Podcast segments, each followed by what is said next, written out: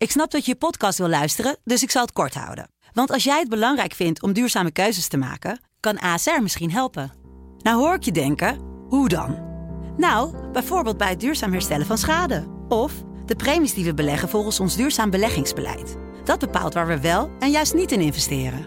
Wil je meer weten over welke duurzame keuzes ASR maakt? Ga dan naar asr.nl slash duurzame keuzes. ASR doet het. Zo, dan kan je nu lekker naar je podcast luisteren. Ze zijn jong, zijn nog jong. En hun harten liggen op hun tong. Altijd alert, erg alert. Hun mening eindelijk ongefilterd. Dit is Ongefilterd met Kitty en Elif. Hallo, hallo, daar zijn we weer. Jullie hebben ons even een tijdje moeten missen, maar dat gaan we hopelijk vandaag uh, helemaal goed maken. Ik zie hier in het draaiboek staan, Elif. Even haten op het feit dat we zijn gepasseerd bij Dutch Podcast Awards. Vertel. Ja, nou ja, ik um, kwam er zelf achter afgelopen maandag. Ik kan me er niet echt mee bezighouden, moet ik zeggen. Dat de Dutch Podcast Award waren op dat moment. Want ik belde mijn collega Thomas van Groningen omdat ik iets van hem moest. En toen zei hij, ja, ik moet nu zo weg, want ik moet de Dutch Podcast Award presenteren. Toen zei ik, oh, oh ja. Toen zei ik, ja, kan je even doorgeven dat ik het echt belachelijk vind dat wij niet eens genomineerd zijn. En toen zei hij, ja, had je jezelf maar moeten nomineren of maar een oproepje moeten doen. En toen dacht ik, ja, uh, hallo, daar ben ik echt arrogant voor. Ik ga niet zelf mezelf nomineren. Dat vind ik echt een belachelijk idee. Nee, maar ik vind het ook een beetje gênant om dan zo te gaan belen. Ja, dus ik denk ook dat dat de reden is dat wij uh, niet hebben gewonnen. Want anders hadden we sowieso gewonnen, denk ik. Toch? Of niet? nee, ik, ik wil hier even heel, ik wil hier even gewoon mijn ongestoord, mijn rancune kunnen spuien. Want maar is dat zo belangrijk voor jou een prijs? Nee, maar ik vind het wel raar dat je dan gewoon hem niet wint. Want Ja. in onze categorie is inderdaad, dat is dan media, maatschappij of zo, denk Oh ja. ik. Ja, ik denk dat wij ook wel in die categorie Maar vallen. er waren heel veel categorieën. Ja, ja, je hebt dan nieuws, politiek en nou ja, je hebt allerlei dingen. Maar ik denk inderdaad dat wij of in opinie zouden vallen, of, als dat een categorie is, of in media of cultuur en maatschappij of zo. Oké. Maar goed, dat, ehm, ik wilde het wel even aanstippen, want onze echte fans denken natuurlijk, hoe kan dit? Ja, ik heb geen ene appje gehad erover. Jij wel? Ik ook niet, maar ik weet gewoon dat mensen dat denken. Want Ja. ik dacht het zelf ook. Dus toen dacht ik, ja, moeten we toch even aanstippen voor de mensen die zich dat afvragen. Oké, eh, we gaan het vandaag hebben over eh, activisme. Omdat we nogal veel activisme zien de laatste tijd. Klimaatactivisme, ehm, activisme voor Iran, eh, boerenactivisme. En we dachten dat is leuk om het over te hebben. Maar als eerste willen we weten waar Edith zich aan heeft geërgerd. Ja, ik heb me geërgerd. Eh, Dat is echt een eh, enorm grote bron van stress voor mij, dit fenomeen. Eh, dat is ook iets wat ik zelf nooit zou doen, omdat ik er gewoon niet toe in staat ben. En dat is mensen die te vroeg komen als je een afspraak met ze hebt. En dan vooral als ze te vroeg komen als het bij jou is, bij jou thuis, zeg maar. Mm. Omdat je dan moet je ook gewoon open doen. Als je ergens hebt afgesproken, dan denk je, dan kan je nog denken van, nou, ik kom te laat. Maar ik krijg daar dus super veel stress van. En ik heb dus een paar mensen in mijn omgeving die dit heel vaak doen. Dan spreek je af om half zes of zo. En is ja, zeggen ze, ja, ik ben er waarschijnlijk pas om zes uur, want ik moet nog dit en dat doen. Dus oké, chill. En dan eh appen ze om kwart over vijf. Ha, ja, ik ben er al, maar doe maar rustig aan hoor. En ik word daar zo agressief van. Omdat ik echt zoiets heb van, ik ben nog niet eens, zeg maar, aanstalten aan het maken om te vertrekken. En jij bent er dus al. Ik word daar zo intens gestrest van. En ik snap ook niet hoe je hoe je, je leven leidt dat, dat je dit doet. Zeg maar, hoe kan dit, dat dit gebeurt? Hoe kan je te vroeg komen? Dat snap ik echt niet. Jij bent ook niet zo. Eh, nee, ik ben totaal niet zo. Ik, eh, Gelukkig. ik vind het eh, mo- moeilijk om op tijd te komen überhaupt. Wat ik een hele vervelende eigenschap van mezelf vind. Ja, same. Ik heb ADHD, een subtype daarvan, ADD. En dat schijnt ook een van de redenen te zijn waarom het heel lastig is om, om tijd in te plannen. Want dat is wel een van de symptomen die ik heel erg herken. Mhm. En ik neem daar wel eens medicatie voor. En dan lukt het dus veel tijd? beter om op tijd te komen. Ja, Ja, dus gewoon een dat- pil om op tijd te komen. Die moet ik ook hebben, Ja, denk om mijn leven te organiseren. Ja, ja, ja, ja. Oké. Ik vraag me wel nog steeds af hoe het dan komt dat mensen te vroeg komen. Ik denk dat dat niet per se een stoornis is, maar gewoon, ja, ik, ik weet niet, super efficiëntie of zo. Of Nou, het is op zich wel normaal om op tijd te komen. En Nee, ik te de- vroeg, te vroeg. Te vroeg. Oh ja, oké. Een Ja, maar- kwartier te vroeg. Ja, maar ik had dus ook dus een paar keer van dat ik dan iets te vroeg was. En dan waren die andere mensen dus ook te vroeg. En toen dacht ik, Oh. wow, sommige mensen leven dus altijd zo. Terwijl ik ben altijd of stipt op tijd Ja, of te laat. ik ben minstens een minuut te laat en dat is optimistisch. Ik ben eigenlijk altijd een kwartier te laat, minstens. Ja, maar het is wel echt, ik vind het echt een hele slechte eigenschap van mezelf. Ja, Ik ook, maar ik kan er echt niks aan doen. Want ook als ik probeer op tijd te komen, dan gaat er iets fout, waardoor ik alsnog te laat ben. Altijd. Dus ik doe het niet meer. Nee, Het, is gewoon, het is gewoon mijn lot. dat ik gave up. Waar heb jij aan geërgerd? Ja, ik heb een hele futiele ergernis. Ik was met Die een... voor mij was dat niet. ik was met een vriend een eh, weekend weg eh, om te schrijven. We hadden allebei zin daarin. En toen gingen we ergens naar een soort landhuis in de buurt van Amsterdam. Waar allemaal hele gedeprimeerde stellen hun tijd zaten te verdoen. Een soort bougie-achtige omgeving. Ken je Leuk. dit soort plekken? Ja. Ja? Ja. En, Zo eh, mistroostig, maar melancholisch. Nou, maar het was dus wel allemaal heel hip. Het? Oh, oké, nee, dat ken ik niet. Oh. Eh, dat zou ik ook niet zo uitkiezen als je toch al naar zoiets gaat. Nou ja, maar- ik wist niet dat het zo zou zijn. Het zag er op de foto's heel leuk uit. Oké. Maar ik was dus met die vriend en dat was heel gezellig. Toen ehm, gingen we dus met de taxi ergens heen. En toen stapte ik in aan, aan zeg maar één kant. En toen ging hij ook aan die kant instappen, waardoor ik moest doorschuiven. Ja. En toen zei ik dat ik dit ga bespreken in een podcast, omdat ik dat zo irritant vind als mensen dat doen. En Ja. denk ik echt, kies je eigen deur. Wat is dit? Waarom? Toch? Ja, ik snap het helemaal. Want Ik, voel me dan ook altijd. eh, eh, weer een kind. Dat dan Ja. achter. eh, en dat doorschuiven is ook echt super oncomfortabel. Ja, Dat, het kost echt heel veel moeite. Zeg maar veel meer moeite dan, dan hoe het eruit ziet. ja. Dat is echt vreselijk. Ja, nee, ik herken het helemaal. Maar het was niet omdat het gevaarlijk was aan de kant van de weg. of Nee, het was gewoon open. Gewoon luiheid. Dus, dus ik begrijp dan, het zou, het zou echt niet in, mijn, in mij opkomen om dat te doen. Nee, nee, ik ook niet. Ik doe dat ook nooit. Dus eh, dat, dat Ja. was mijn ergernis. Ja, helemaal eens. Ja, totaal. We wilden het vandaag hebben over activisme, want onze generatie wordt vaak eh, verweten, onze generatie millennials, dat we niet de straat op gaan voor dingen, maar eh, we zijn eigenlijk wel activistisch, blijkt ook in de afgelopen jaren. Ik vraag me eigenlijk af, Elif, zie jij jezelf als idealistisch? Zou jij ergens de straat voor opgaan? Ja, ik heb hierover nagedacht en ik heb er niet echt een antwoord op kunnen formuleren. Want alles wat tot nu toe speelt, ben ik niet de straat voor opgegaan. Dus dan zou je kunnen zeggen, het antwoord is nee. Maar aan de andere kant denk ik, als er iets heel erg zou zijn... Ja, nou, nu klinkt het weer alsof wat er nu allemaal gebeurt niet erg is. Bedoel ik niet mee. Ja, de straat opgaan vind ik best wel een ehm, beetje nutteloos. Want er komt nooit een oplossing van, in Nederland althans. Dat heeft alleen effect als je in een echt een tyrannieke land leeft. Nou, zeg dan maar. heeft het vaak ook he- juist helemaal geen effect. Nou ja, wel effect in de zin van dat het, het heeft een bepaald effect. Hier gebeurt het. En het, het beste wat je kan, kan, eruit kan halen is dat iemand er een stukje over schrijft. Ja, maar het kan toch wel dat het dingen op de agenda of zo zet? Heb jij ooit hier een protest meegemaakt waardoor er iets is veranderd? Ik, ik kan het nu zo snel niet noemen. Nu, hè, bedoel ik nu. Dus in- ik heb het niet over. Ik heb het nu over de afgelopen jaren. Dus ik heb het niet over jaren zeventig of wat dan ook. Ik heb het over nu. Als je de boerenprotesten ook hier onderschaart, wat je wel zou kunnen doen, maar ja, die waren, dat waren geen, zeg maar, vaak geen eh, wettelijk geaccordeerde demonstraties, zeg maar.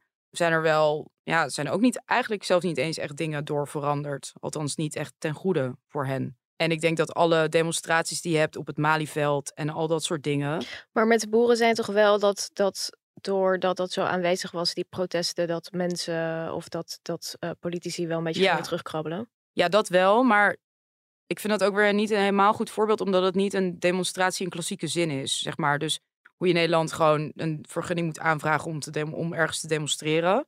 Alles wat daarin past, heeft volgens Nee, mij... maar goed, een demonstratie heeft op zich ook niet als functie, eh, dat, dat zie je natuurlijk ook met, met die klima- klimaatprotesten en zo. Het heeft niet als functie om dan, dat er dan meteen beleid of zo wordt aangepast. Het is meer dat het, het is ook om het debat denk ik te sturen en aandacht te richten op iets. Ja, Dus, eh, en, dat Ja. gebeurt wel. Ik bedoel, bijvoorbeeld over klimaat of zo, daar wordt dan wel veel meer over gesproken. En nou goed, in de afgelopen tijd, als je dan, eh, wat, wat heb je allemaal gehad? Occupy, nou, dat was echt helemaal in onze Ja. studietijd, toch? Ja, dat was dat echt is, eh, groot. ja, dat is denk ik ook de eerste die ik bewust een soort van heb gezien. Dat je denkt, oh ja, hier gaan mensen naartoe en dat is echt een ding of zo. Ja. Die jaren daarvoor was eigenlijk niet zoveel. ja, maar ik ben dus nog nooit in mijn leven op een demonstratie geweest. En ik kan me ook niet voorstellen dat ik dat zou doen. En, en niet omdat ik soms denk ik wel, oh ja, ik, ik sta hier wel achter. Maar ik, ik vind dat echt een heel gênant iets. Ja, ik ben voor werk wel eens op demonstraties geweest. Ja, maar dat is En anders dan- om verslag ja, te doen. Ja, Ik bedoel, om onderdeel ervan te zijn en slogans en zo te Ja. roepen. Ik, ik- nee, dat, Ja, ik heb ik- daar echt te veel eh gêne of zo voor. ja. ja, ik ehm, snap wat je bedoelt. Ik zit ook te denken, ik denk, stel er zou, kijk, stel er zou een soort ehm handmade stilachtige bestuur worden geïnstalleerd hè, in Nederland. Zou dat niet een reden zijn om wel echt in actie te komen? Ik zou dat ook weer niet dan via een demonstratie doen, maar meer via wat effectievere middelen. Ja, ik, weet- ik weet het niet. Ik, ik, ik, heb dat, ik heb gewoon geen demonstrant, denk ik, in me. Dus als ik dus bijvoorbeeld dat ook zie op tv nu met die eh, klimaatprotesten en zo, dan denk ik ten eerste altijd als ik dat zie, voel ik een soort bewondering. Omdat ik denk, ik vind, ik vind het echt heel knap dat je geen gêne hebt en dit doet. Want het is echt heel gênant. Het ziet Ja. er echt heel gênant uit. Ja. En dat vind ik eigenlijk bij alle protesten.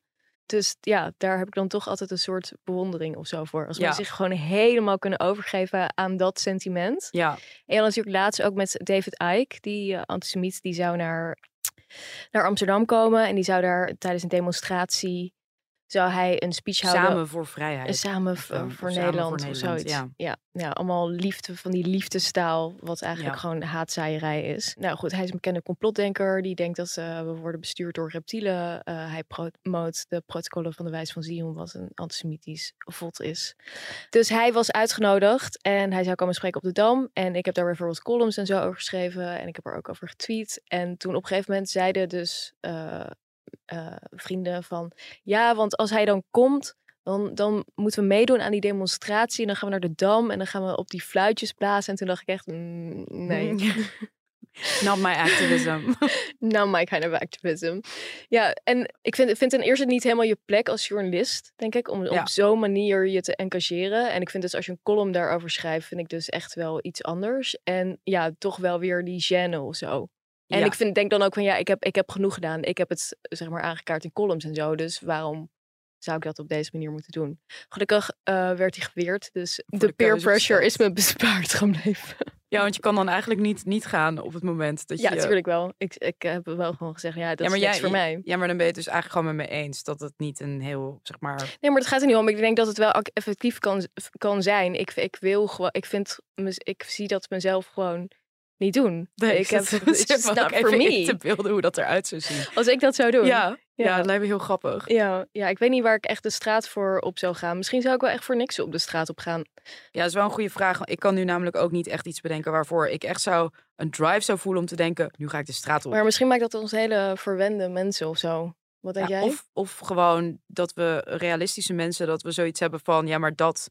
Nou ja, maar het, iets kan je toch niet passen? Je kan toch op een andere manier dingen verdedigen? Ja, maar als ik bijvoorbeeld beelden in Iran zie, Ja, dan denk ik echt, wauw, gewoon die vrouwen en dat lef, dat ze Ja. keer op keer nu de straat op gaan, terwijl je weet wat de consequenties zijn. Er zitten nu geloof ik 15.000 mensen vast. ja, Heel veel jonge mensen, ja, en het is geen pretje om in een Iraanse gevangenis te, eh, te zitten. En je weet ook niet ja, wat er kan gebeuren. Je kunt geëxecuteerd worden, je kunt Ja. verkracht worden. Dat je dat durft, dat je dat op het spel zet, ja, ja, dat, dat is zo ongelooflijk dapper. ja. Ehm, ja. Maar dat bedoel ik dus, want zeg maar, dat soort dingen staan hier niet op het spel. Dus nee, maar wat, heeft wat hier wil je iets- zeggen? Oh, in Iran zou ik het wel doen. Nee, nee, nee, dat zeg ik niet. Maar ik bedoel meer van hier is het, het is toch een beetje een soort toneelstukje of zo, vind ik vaak. Ja? Ja. Wat, wat vind je er dan een toneelstukje Nou aan? ja, dat mensen dan, weet je, dan staan ze zo te schreeuwen en zo. En inderdaad op van die fluitjes te blazen en zo. En dan denk ik van, ja, maar wat, wat ben je nou aan het doen? Je snapt toch wel wat ik bedoel? Je bent volgens mij gewoon met me eens. Ja, maar ik denk dat ik ben het dan. heeft iets... ehm, maar ik ben dan eh, niet zo cynisch of zo. Het Ik, is ook ik- theatraal. maar je vindt het dan in Nederland altijd theatraal of zo? Nou ik ja, zie soms wel gewoon echte woede of zo bij mensen. Denk, oké, dat vind ik wel. Ja, ik denk ook dat dat dan- een soort dat als je daar bent en je bent daar ook, je bent daar niet om verslag te doen, maar echt om mee te doen, dat je dan zo'n soort mob mentality-achtig iets krijgt, waardoor je dus daarin wordt meegenomen. Ja, maar daar heb ik altijd een afkeer van. Dat vind ik op concerten al vervelend. Dus Ja, het- dat snap ik, maar ik denk dat daarom mensen er zo overkomen, zeg maar. Ehm, dat, dat ze er dus wel in meegaan. Zeg maar. Mensen gaan daar niet heen zoals, en er dan een soort van cynisch naast zitten en een soort van, zeg maar, naar commentaar over maken. Ja, maar het heeft toch, als je er naar kijkt, bijvoorbeeld als je het gewoon op beelden ziet, op camerabeelden of zo, heeft het gewoon iets heel theatraals, vind ik. ja. En weet je dat je gewoon dat je, echt dat je denkt, ja, doe even Maar dat normaal. iets theatraals is, dat maakt het natuurlijk niet per se slecht Nou. of zo. Als je dan ziet bijvoorbeeld, oké, dus die acties die je zag, nou dat zie je natuurlijk ook op social media. Dus voor Iran dat mensen een Ja. deel van hun haar gingen afknippen. Wat vond jij daar dan van? Ja, dat vond ik dus een heel moeilijk iets. Omdat ik dacht, aan de ene kant had het heel erg veel weg van eh, wat er toen gebeurde met Black Lives Matter. Dat mensen zeg maar een, een zwart vakje als hun profielfoto gingen doen. Dat je echt denkt van nou echt, wow, good for you. Maar aan de andere kant, als bepaalde mensen het doen, vond ik ook daarbij, dan heeft, is het wel een soort statement of zo. Maar ik had wel zoiets van, ja, als eh, tante Truus van de Hoek eh, dat doet, dan denk ik, ja, ik bedoel, het is niet alsof mensen daarvan denken, oeh, maar het feit dat wij toen, onze minister van Justitie dat deed, die dan is Shogus, als eerste van alle soort van uh, bewindspersonen ter wereld, zeg maar, vond ik wel, dat is wel een politiek statement. Geef die schaar dan. Kijk. Want ik vind, ik, mijn strijd is meer de, de wind door je haar. Dat vind ik een, een mooie. Maar als jullie het doen, doe ik graag een lok mee als dat mag. Wauw. Kijk. Dan ben je misschien de eerste minister van Justitie ter wereld... Die, die in de uitzending gewoon daar gaat zitten ja. knippen. Nou, maar met dit doel Ja, ja, mooi. Want het gebeurde bij op één. Ja. En Fidan Ekis uh, zat daar toen. En, of nou, die, die was de presentatrice. Ja. En Yashim Chandan, dus ja, onze favoriete haatfluencer van deze show. Ja. Um, die dit ook. Van Rugzakgate. die dit initieerde. En het was eigenlijk een spontane actie, toch? Dat die dan dat deed? Of dat, nee, dat, daar leek het op. Ja, maar dat... het was wel. Ik, weet, ik vond het toch een beetje er middenin zitten. Zeg maar. Ja. Ik vond het symbolisch dus wel. Uh, denk ik, het kan een heel sterk symbool zijn omdat je minister bent, omdat Ja. je dat dan doet. Maar dan denk ik van ja, doe het helemaal of niet. Want ze knipt nu een, een plukje af. Dan denk ik, het zou gewoon natuurlijk super vet zijn als ze echt haar haar had afgeknipt. haar hele haar. Ja, Het gewoon. gewoon echt wat, wat Ja, je sommige. Want je zag heel groot verschil Ja. op een gegeven moment bij de mensen die dat eh, deden online. En die gingen dus echt gewoon een, helemaal hun haar afknippen. Toen dacht ik, wow, dit is wel echt een van de... Normaal is het op social media altijd van die juist performative-achtige bullshit dingen. Mhm. En dit vond ik wel echt... Dat ik dacht van, oh, dit raakt mensen ook gewoon. En het is echt een heel sterk statement. Ja. In solidariteit. Maar ja, het is... En dan op een gegeven moment gingen dus ook van, van die influencers... gingen dan een mini plukje haar knippen. Ja. En dan daarbij huilen en dan op TikTok uplo- uploaden. En dan denk je ook, ja, jongens, hoe lang duurt het altijd wel weer dat voordat het gekaapt wordt door dat- dit soort Nou, idiote mensen? Ik heb daar dus een theorie over. Dat duurt minder dan 24 uur. Voordat, het, voordat het de debiliteitscurve is afgelegd, Ja. zeg maar. ja. Want wat ik ook vond met die, met dus, dat gebeurde bij op één. En wat ik dus heel theatraal, of niet theatraal, gewoon ja, debiel vond, was die eh, landbouwminister Piet Adema, die dus zeg maar onder druk van de journalisten een stukje van zijn grijze haar ging afknippen. ja, en Sigrid Kaag dag. werd toch ook de volgende dag ongeveer met een mes op de keel gezet dat ze dat dan ook moest doen. ja.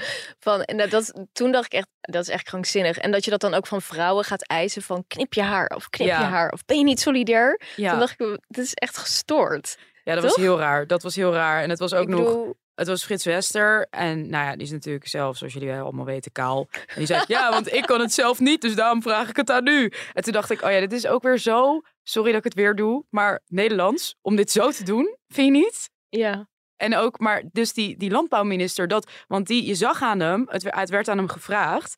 En je zag aan hem dat hij eigenlijk niet eens wist waar het over ging. En dat hij zoiets had van, oh, moet ik een stukje haar afknippen? Ja, is goed. En toen ging hij dus, een half kale oude man met grijs haar, ging dus een stukje van zijn haar afknippen. En dan, dan denk ik echt, oké, het duurde minder dan, nou ja, minder dan 24 uur voordat Ja. we van, zeg maar, de op één tafel, waar je dus al inderdaad een beetje zo'n gevoel hebt van, hmm, een beetje ertussenin, tot aan dit moment. En dit moment is gewoon het diepte. Nee, het dieptepunt kwam een uurtje later met Kaag. Maar toen was het ook gewoon klaar. Dat je denkt, ja, maar nu stopt die actie ook. Tenminste, hij zou moeten stoppen, want het summum van, van debiliteit is bereikt. Ja, ik zag dus ook op een gegeven moment zo'n hashtag. Ehm, toen veel van die influencers dat gingen doen. Met eh, hashtag bijpunt voor Iran. Dat vond ik echt hilarisch. Ja, maar dat, dat is. Dat bedoel ik dus. Het moet altijd zo, zeg maar, uitkomen op zo'n. Kolderiek iets. Ja. Ja. Maar goed, het was dus een van de weinige dingen in tijden waarvan ik dacht, die ik online zag op social media en eh, ook op tv, waarvan ik dacht, oh ja, dit heeft wel waarde. Of tenminste, Ja. het heeft waarde voor mij. Of ik had wel het idee van, oké, wow. Ja. Vet dat mensen dat doen. Wat vond je van ehm, de klimaatplakker? De klimaatplakker? Ja. Ja, ik vond dat top tv. ja. top tv. Ik heb daarvan genoten. Niet normaal. Oh, dat is twee componentenlijm. Ik Ik- zit hier vast. In een live programma. Ik zit hier vast in een live programma. En ik ga het Hoe moet je hier nou wat- hebben Ja? over de klimaat- en ecologische crisis. Van mij mogen dit soort mensen echt elke week aan tafel zitten. Ik moet zoveel talkshows kijken voor werk. En ja, er gebeuren gewoon Ja, dingen. dat is natuurlijk een hel om dat allemaal te doen. En dan is dit echt zo'n verademing. Oh, ik vond het zo hilarisch. En ik vond die onderkoelde reactie van Bo vond ik ook echt heel geestig. Het was echt Maar het is nu dus elke week raak. Er waren nu weer mensen die in het, bij Jinek Ja. eh, een paar dagen geleden die opstonden in het publiek. En eh, vandaag een site had dus deze week ook een parodie daarop dat ze een streaker hadden. En die hadden ze wel ingehuurd. Dan ging opeens een of andere chick gewoon zo vanuit het publiek zich uitkleden. Oh ja, en dan in haar ondergoed van, ja. door de studio rennen.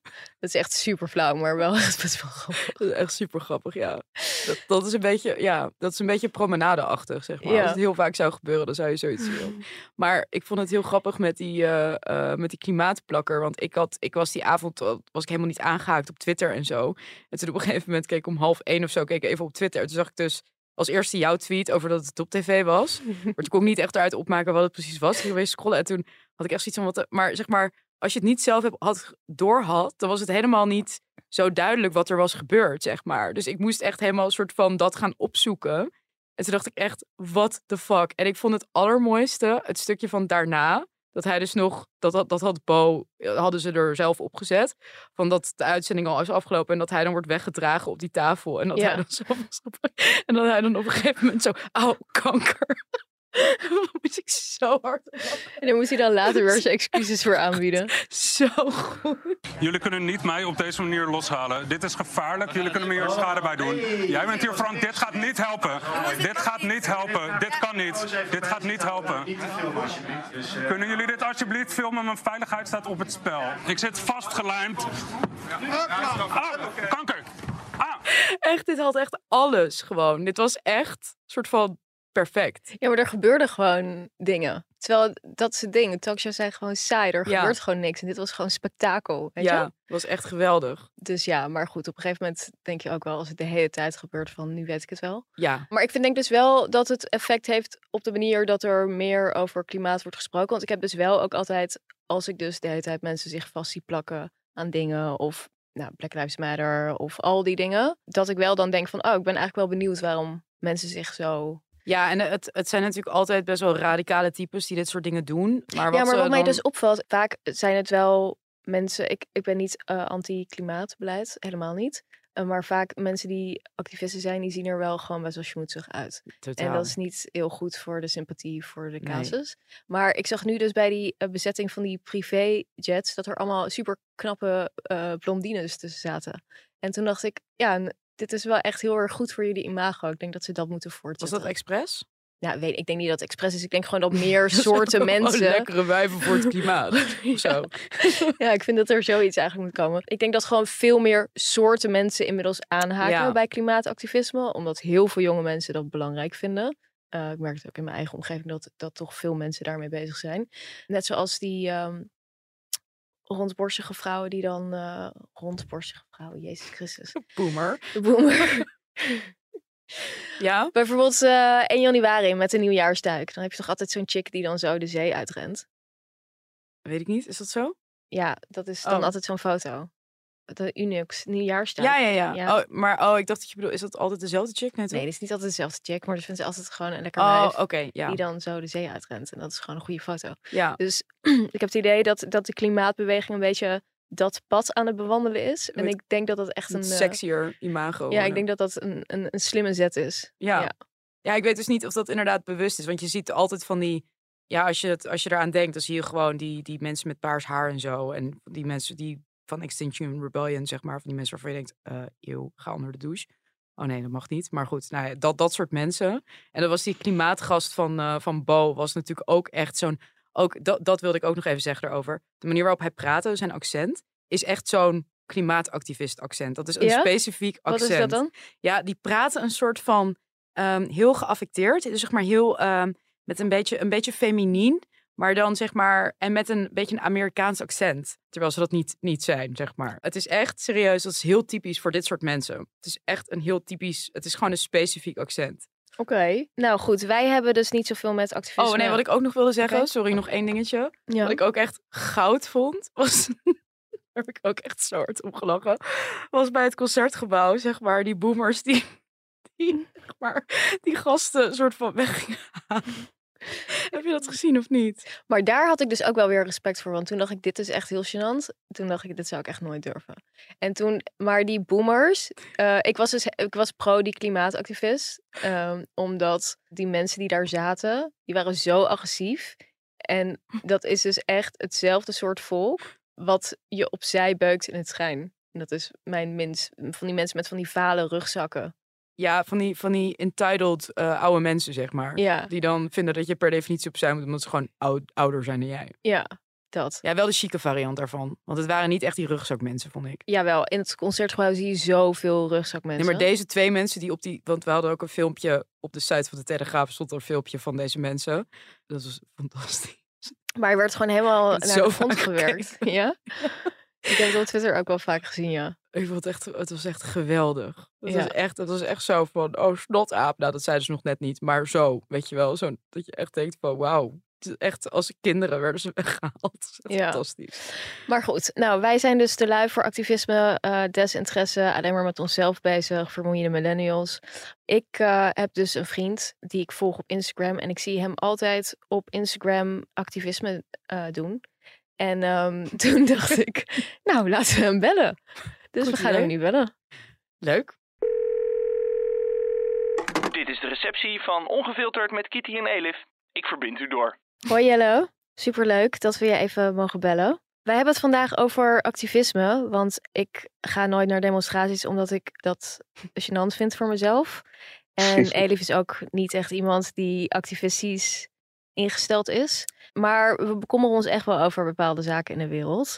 Um, maar ik zie dus bij jou altijd heel vaak activistische dingen voorbij komen. En ik vroeg me af, wat triggert jou om keer op keer de straat op te gaan? Ja, een goede vraag. Nou ja, laat ik vooropstellen, acti- activisme is volgens mij ook, echt, ook niet echt niet iets voor iedereen, zeg maar. Dus eh, ik zou je vooral ook niet, eh, niet schamen dat je nooit, eh, nooit de straat op gaat.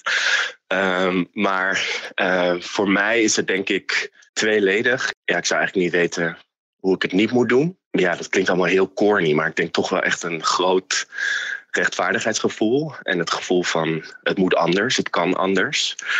En dan ja, als ik zeg het kan anders, dan hebben we daar denk ik ook heel veel voorbeelden van die gewoon laten zien dat activisme eh, werkt en dat je het ook zelfs nodig hebt om, eh, om de wereld te veranderen. Ik denk dat daar heel veel eh, voorbeelden van zijn. eh, En wat, wat zijn die voorbeelden dan, waarvan jij denkt dat heeft echt de positieve dingen veranderd? Nou, ik denk als je bijvoorbeeld kijkt naar eigenlijk alle grote maatschappelijke omwentelingen. Hè? Dus eh, bijvoorbeeld eh, kiesrecht voor vrouwen, had je de suffragette movement. Eh, nou, dat waren gewoon vrouwen die de straat op gingen en dat recht echt hebben opgeëist.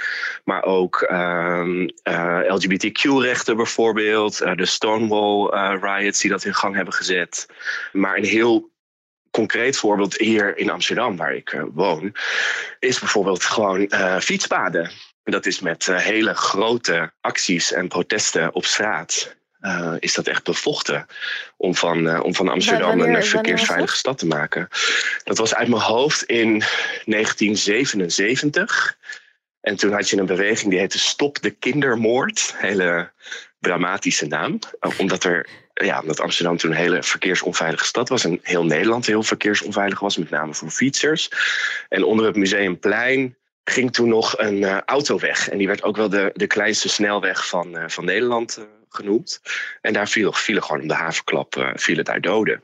En op een gegeven moment, die beweging die heeft heel lang actie gevoerd. Maar op een gegeven moment hebben ze een hele grote actie gedaan op die snelweg. Toen zijn ze echt met duizenden mensen zijn ze daar gaan liggen met hun fiets. Alsof ze zeg maar verkeersslachtoffers waren. En eh, nou ja, die actie heeft echt in beweging gezet dat eh, nou ja, eerst de gemeente Amsterdam, maar later ook landelijk, er heel veel eh, is verbeterd.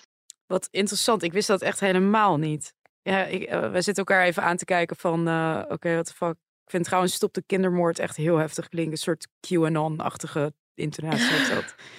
Maar Ja, inderdaad. Ja, dingen met kinderen, dat werkt natuurlijk altijd lekker. Maar, maar eh, dus, dus, nou ja, dus het werkt. Actie voeren werkt. En eh, ehm, dat ik denk dat mensen vragen heel vaak aan mij, want ja, ik ben wel echt activist. Van ja, wat heeft het nou allemaal voor zin en waarom, waarom doe je dat nou toch?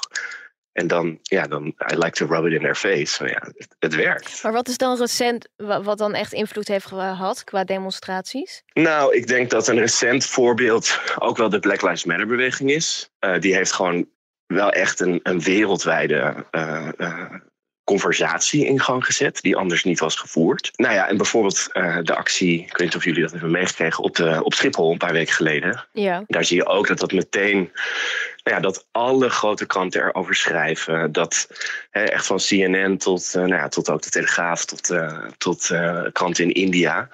En dat is natuurlijk ook een functie die activisme heeft om gewoon het maatschappelijke gesprek op gang te brengen en, en de opinie te, te beïnvloeden. En de manier waarop mensen naar de wereld kijken, naar wat is er eigenlijk mogelijk. Maar wat, wat wil je bereiken? Want jij was dus bijvoorbeeld, ik zag volgens mij op jouw Instagram dat jij daar ook was. Ja. En wat, wat wil je dan daar specifiek mee bereiken? Wat wil je wat mensen inzien of wat wil je wat mensen horen op dat moment? Nou, ik denk dat in dit geval, kijk, dit was natuurlijk een, een klimaatgerelateerde actie. Dus we willen gewoon, eigenlijk heel duidelijk, hè, we willen dat eh, grote vervuilers eh, zoals eh, Schiphol, de grootste CO2-uitstoter van Nederland, gewoon minder gaat vliegen en daardoor dus ook minder gaat vervuilen. En dan voor ons was het ook heel erg belangrijk om een beetje dat rechtvaardigheidsstuk wat daar aan hangt, zeg maar, om dat ook voor het voetlicht te brengen. Dat gewoon een heel klein groepje mensen eh buitenproportioneel veel vliegt. De meeste mensen in Nederland vliegen niet in een jaar tijd, of één keer per jaar hooguit.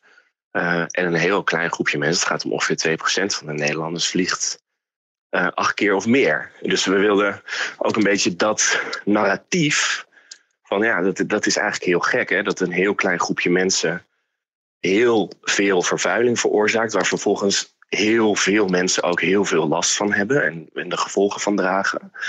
Nou ja, dat is nu een, een, een discussie die mede door zo'n actie, ik zeg niet dat wij dat alleen doen, eh, ehm, een heel breed podium heeft gekregen. Ja, ik was zelf ook wel te spreken over dat er de, de esthetische verandering in de klimaatbeweging ehm, de afgelopen jaren. Ik merk dat het ander soort mensen aantrekt die, die wat beter zijn eh, voor iets imago, denk ik. Ja, dat ben ik wel met je eens. En ik, ik denk dat dat ook wel komt ehm, doordat steeds meer mensen, denk ik.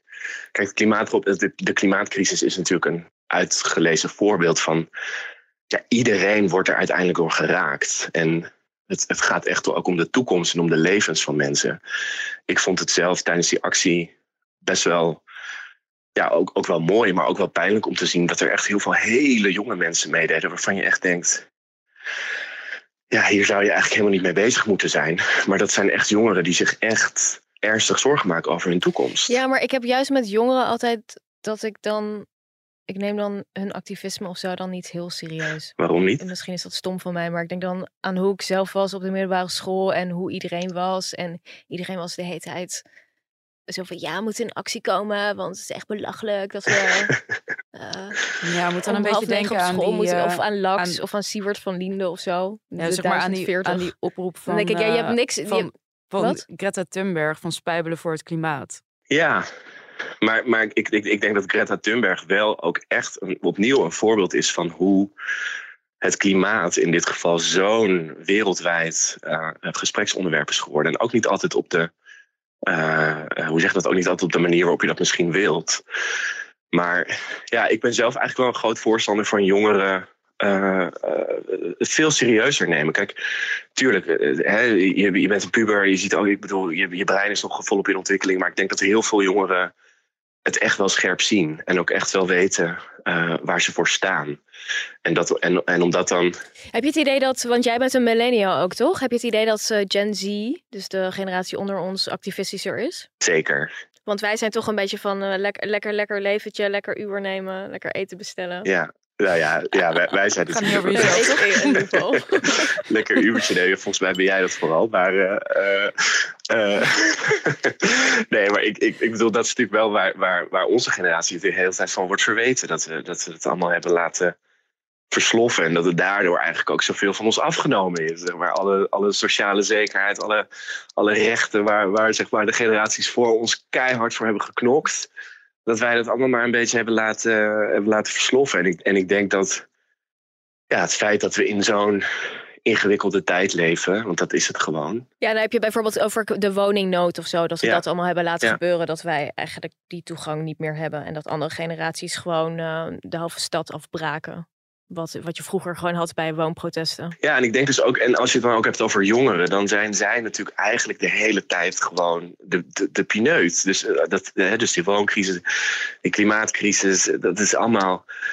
Ja, daar zijn zij eigenlijk het voornaamste slachtoffer van. Dus ik begrijp ook wel heel goed dat Ja. het juist die generatie is die zegt van ja, verdorie. We, komen in actie. Dus ik zie juist ook echt wel echt veel ja, echt jonge mensen die echt wel aan de voorhoede van die bewegingen staan. En ik heb daar heel veel bewondering voor. Ja, snap ik. Oké, heel erg bedankt voor jouw visie. Alsjeblieft. Oké, nou ja, interessant om een keer een eh, echte klimaatactivist eh, bij ons In real life ja, te dat, horen eh, praten. Want die mensen spreek ik niet zoveel. Zoals je je kan voorstellen. Dus eh nee, ja, interessant. Ja, ik vond het wel geruststellend dat, dat Jelle zei van activisme is niet voor iedereen. Dan hoef Ja, en je hoeft je dus niet te schamen. Dus Ja. we kunnen hier gewoon mee doorgaan met wat we doen. En Ja. eh, we kunnen ons er gewoon prima over voelen. Dus Ja. nou ja, oké, dan niet. Ook goed. Ik kan Ja. me graag laten overtuigen. Maar eh, Je had je helemaal niet graag willen laten nee, overtuigen. inderdaad. Dat zeg ik ook alleen maar voor de vorm. Oké, nou we gaan even hatefluencen. En eh, jij wilde iemand bellen daarvoor.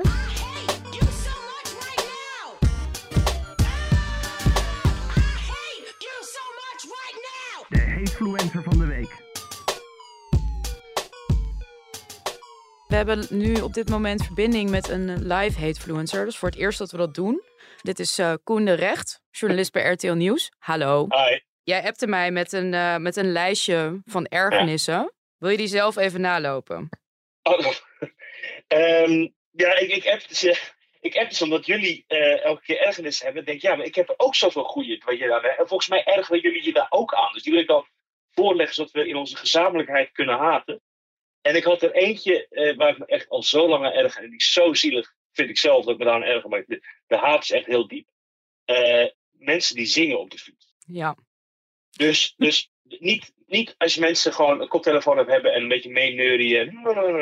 Nee, gewoon echt mensen die hardop zingen op de fiets. Dat is zo. Kijk, maar er zijn dus twee dingen mogelijk. Of je boeit je niet wat andere mensen denken en of zij eh, iets te doen hebben die dag en of ze jou kunnen horen, ja of nee. En je bent dus gewoon asociaal en je zingt gewoon hard, omdat jou dat toevallig op dat moment lekker uitkomt. Of je bent zo'n pedant persoontje dat je wil dat iedereen jou hoort, omdat je vindt dat je gewoon heel goed mooi kan zingen. Dat je dat gewoon wil verspreiden, jouw, jouw zang door de hele stad. Ja. Hou op, echt. En eh, wat denk jij zelf dat het is? Het eerste of het tweede menstype? Ik, ik ga zelf voor optie 2. Ja, ik denk dat het, dat het, dat het, het is een bepaald soort mens wat het doet. En ja, als je een leuk liedje op hebt en je zingt af en toe een beetje mee. prima, Ik ga niet, dat prima, weet je wel. Maar het is dat zelf, die zelfimportantie die mensen dan hebben. Dat ze vinden van, oh, maar ik zing gewoon heel gaaf. En dat wil ik gewoon delen met de wereld. En ik ben zo'n los persoon die dat gewoon doet op de fiets. Kijk mij eens gek zijn. Ja. Oh, Het zijn vaak vrouwen, hè? Ik ben tot nu toe heel weinig mannen tegengekomen ja, die dat doen. Ja. Klopt. Ik constateer dit even, want het zijn wel echt dit. Ik ken het type. En eh, dat zijn een beetje van die mensen die vinden dat ze van zichzelf dat ze zeg maar lekker gek zijn. En Ja, dat is zijn ook echt- mensen die, die heel enthousiast op een skippybal of zo gaan skippyballen. Is dat een ding? Ja, dat zie, je- zie je wel eens. Of die, die zo, ehm, je hebt ook in de zomer wel eens dan van die mensen die gaan dan in een park en dan heel, heel theatraal staan hula hoepen. Ja, ja, ja, ja. Ja. Ja, dat is echt, dat is echt vreselijk. Ja. Het is dezelfde, dezelfde demographic die ook wel eens op een step door de stad gaat.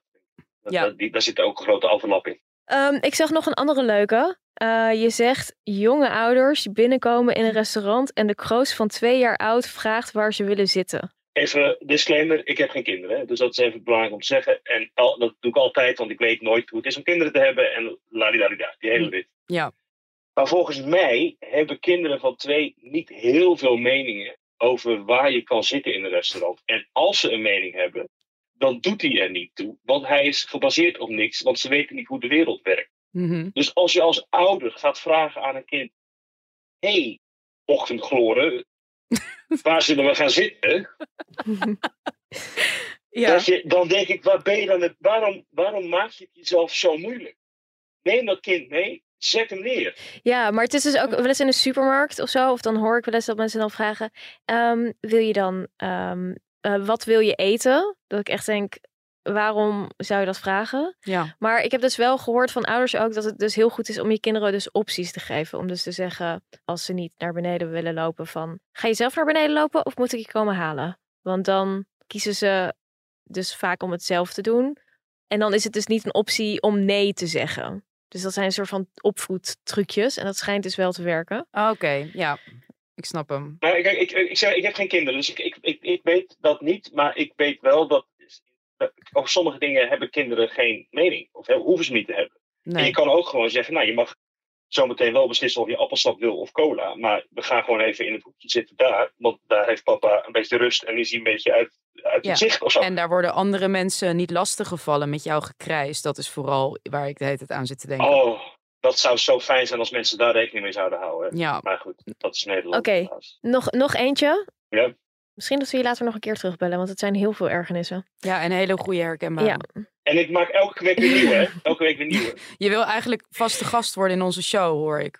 Nee, eh, ik had gedacht, het is eigenlijk heel leuk als mensen nou ook die, die Ja. haat hebben. En eh, eh, dat ze ook een briefje eh, sturen. En dat als ze leuk zijn, dat ze dat net als ik mogen komen uitleggen. Want Dat we een soort haatcommunity creëren van like-minded haters. Dat ik is best wel een goed idee. leuk dat jij ook de redactie op je neemt van, ons, van onze podcast. Sorry. Nee, nee, nee, sorry, nee. helemaal welkom. Kan je laten. ook een, een ongelooflijk kleinzielige, maar ik erger me er elke keer kapot aan. Als je dus een winkel in loopt in Amsterdam en staat een mevrouw en die praat geen Nederlands. Dat kan. Weet je, nou, vind ik helemaal oké. Maar ik begin in het Nederlands tegen haar, want het is allemaal logisch dat ik, ja, Nederland. Ja. En dat je, dan, dat je dan krijgt, niet zo van, oh sorry meneer, ik praat geen Nederlands, wilt u Engels praten? Nee, dan krijg je English. Oh, Ja, dit is, eh, dit is echt een, wel een boomer ergernis, moet ik zeggen. Maar ik heb hem zelf ook. Nee, nee, nee, nee, nee, nee, nee. Nee, nee, nee, nee. Ik ben, dat vind ik heel flauw. Boom, ja, ja, ik ben een boom. Ik ben hartstikke oud, I know. Maar het is gewoon fatsoenlijk om het, de taal te spreken in het land waar je, waar, je- waar je bent. En als je dat niet doet, dan zeg je, goh, Sorry. sorry, Ja. zal ik, kan ik Engels praten? En dan zeg ik, geen punt. Tuurlijk, geen, geen ASO.